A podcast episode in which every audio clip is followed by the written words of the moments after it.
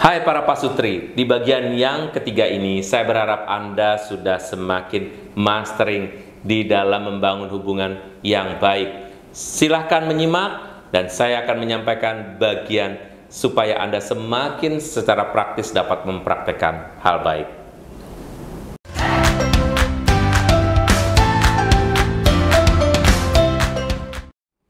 Perkawinan itu sebetulnya lebih dari sekedar hidup bersama ya. Apalagi cuma mencari kebahagiaan. Bukan. Perkawinan itu adalah persatuan yang mewakili persatuan Kristus dengan gerejanya. Jadi sesuatu yang sakral yang bukan hanya peristiwa manusia atau persatuan institusional. Kita harus membuat dan menciptakannya. Itu beda dengan erotisisme. Jadi kalau hubungan seksual itu saya bilang kan tadi kan sehat. Dan itu adalah suci. Kenapa? Karena diciptakan oleh Tuhan karena Tuhan mau begitu dan supaya orang tetap saling mengasihi dan kebutuhannya terpenuhi. Tetapi kalau erotisisme itu bedanya adalah karena dia selalu ingin menciptakan suatu seks yang heboh, yang hebat sehingga membutuhkan berbagai macam hal untuk mendukung supaya ini menjadi heboh. Sebetulnya yang harusnya membuat heboh itu adalah bagaimana kamu terus berhasrat pada pasanganmu dan pasanganmu berhasrat padamu. Dengan menciptakan misalnya ya sebelum berhubungan seksual kan kita perlu bersih. Apalagi kalau kita lihat pasangan kita misalnya seorang istri itu bersih banget. Dia udah berkali-kali kita kalau misalnya pakai e, bangun tidur kita diwajibkan untuk gosok gigi. Nanti sebelum tidur kita diwajibkan lagi cuci kaki. Eh cuci kakinya yang bener dong narok bajunya jangan di kasur dong misal. Oh berarti pasangan kita ini seorang yang bersih.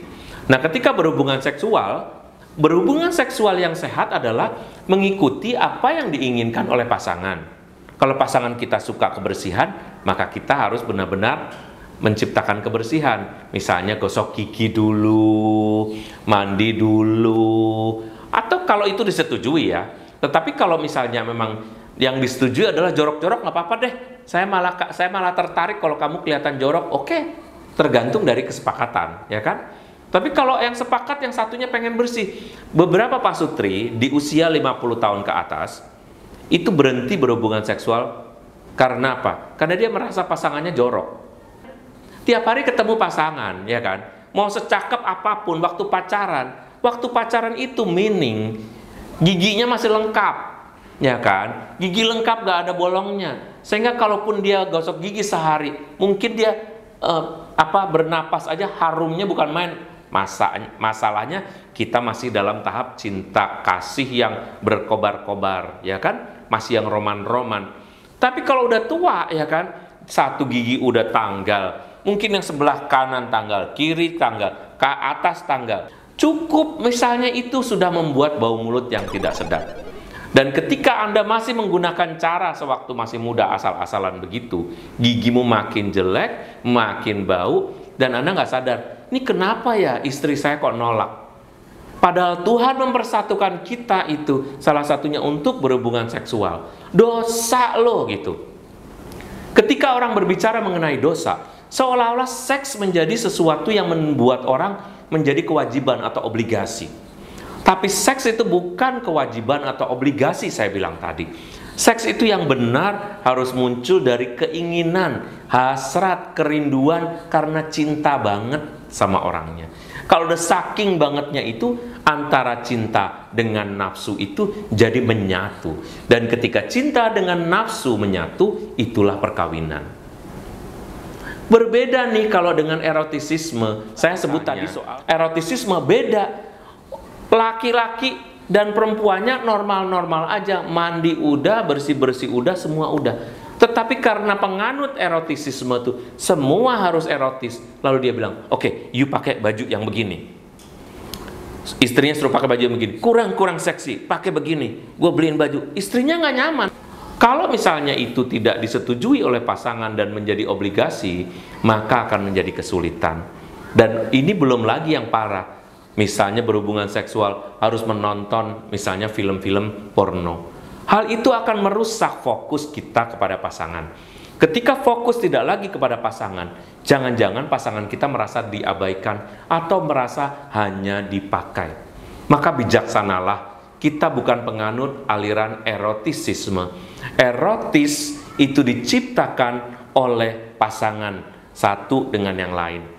Laki-laki bersifat erotis adalah laki-laki yang membisikkan kata-kata manis, memuji istrinya, memuji dengan uh, badannya, kecantikannya dan seterusnya.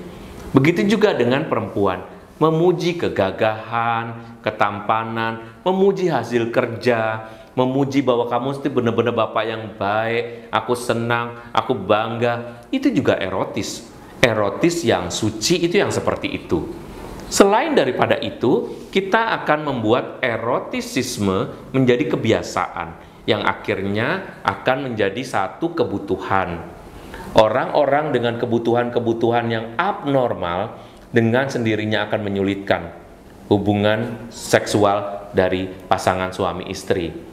Nah, di ujung ini saya ingin menyampaikan ada beberapa syarat dari orang-orang yang mau berhubungan seksual dengan baik. Syaratnya harus ada nafsu. Jadi jangan mengira bahwa secara iman orang harus bernafsu kepada pasangannya kepada istrinya. Itulah hasrat yang normal. Yang kedua harus ada tenaga. Tenaga itu berarti sehat, ada kesehatan. Dan dan yang keempat adalah soal psikis. Psikis itu apa? Kejiwaan. Tadi saya mengatakan, ketika laki-laki memuji istrinya atau sebaliknya, maka pujian itu akan membawa perasaan senang Perasaan senang itu sayang merasa diterima dan akhirnya seks akan berjalan dengan sangat baik dan saya, saya ulangi lagi akan menjadi sangat suci. Isi dari sebuah uh, seks itu adalah sebetulnya adalah suatu rencana yang sehat. Jadi kalau Tuhan memberi kita seks, seks itu harus ada rencananya. Kenapa saya berhubungan seksual? Karena saya mau punya anak. Kenapa saya berhubungan seksual? Karena saya mau menikmati hidup perkawinan saya dengan pasangan. Kenapa saya mau berhubungan seksual? Ya karena saya memang mencintai dia, saya tahu kebutuhan dia, saya mau memenuhi kebutuhan dia. Jadi kadang-kadang bisa plannya itu memenuhi kebutuhan dia, bukan kebutuhan saya. Banyak perempuan yang mengalami situasi seperti ini.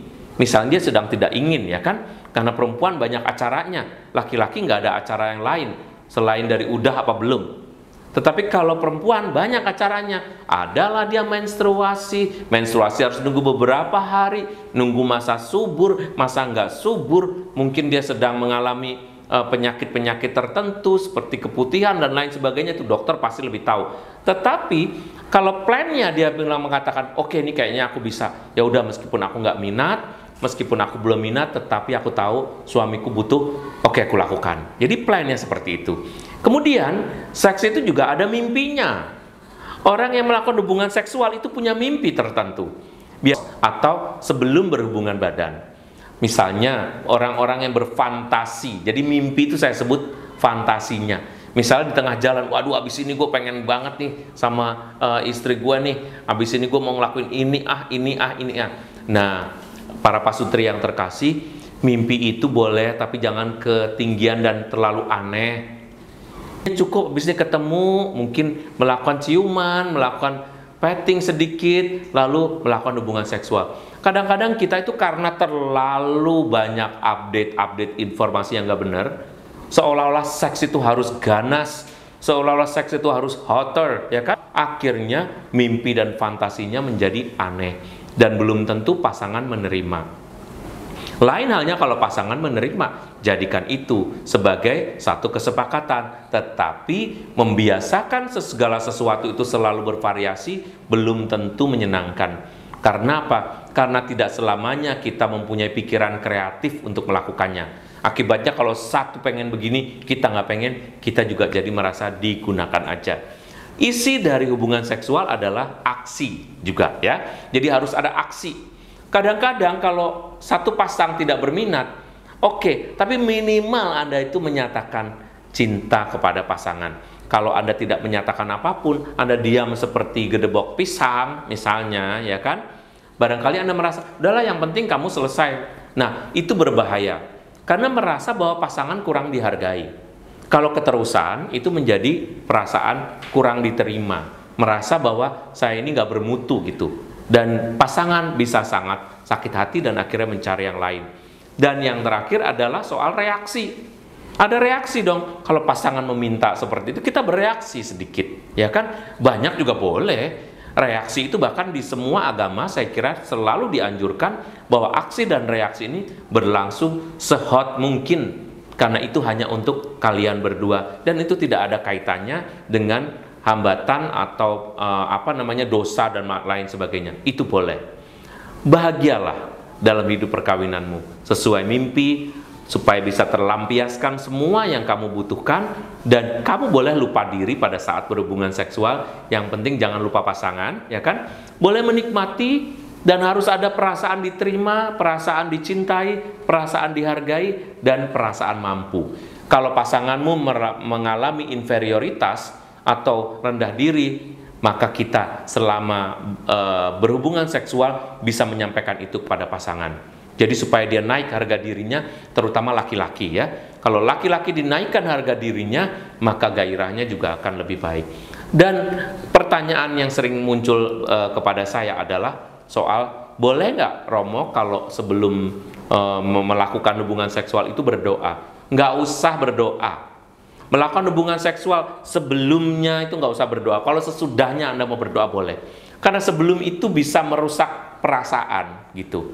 Kalau mau ya boleh, tapi misalnya melakukannya masih sejam lagi atau dari jauh dari tindakan ya kan, Anda boleh mempersiapkannya dengan berdoa misalnya ingin punya keturunan, silahkan.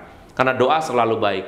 Tetapi jangan sampai doa kita mengganggu konsentrasi dan fokus kita. Akibatnya seks menjadi terlalu suci dan terlalu formal dan mungkin itu tidak rasa nyamannya hilang ya.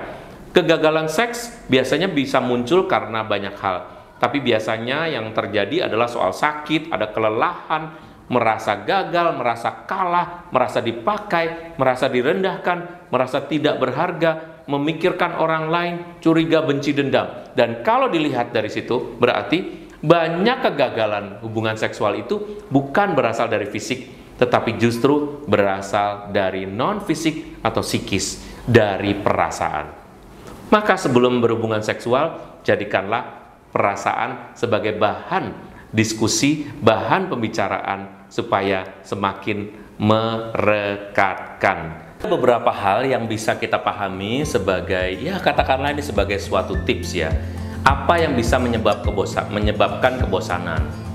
Penyebab kebosanan misalnya adalah ya karena kurang komunikasi, karena juga ada masalah berdua, soal masalah pribadi, lalu juga kurang merawat diri atau terlalu banyak aturan juga bisa ya karena eh, biasanya kalau terjadi hubungan yang formal ya mungkin secara psikologis orang akan merasa diatur-atur mungkin akan berkurang juga gairahnya. Dan juga ada faktor X yang kita nggak tahu. Saya percaya bahwa Anda semua akan menjalankan ini dengan baik dan akan melakukannya secara natural dan wajar tanpa harus terpaksa dan jadikan ini sebagai alat untuk mempersatukan yang berasal dari Tuhan, yang berasal dari anugerah Tuhan yang membuat hidup Anda menjadi semakin bahagia bersama dengan pasangan. Semoga Tuhan memberkati. Jangan lupa subscribe, like, bunyikan loncengnya, jangan lupa di-share. God bless.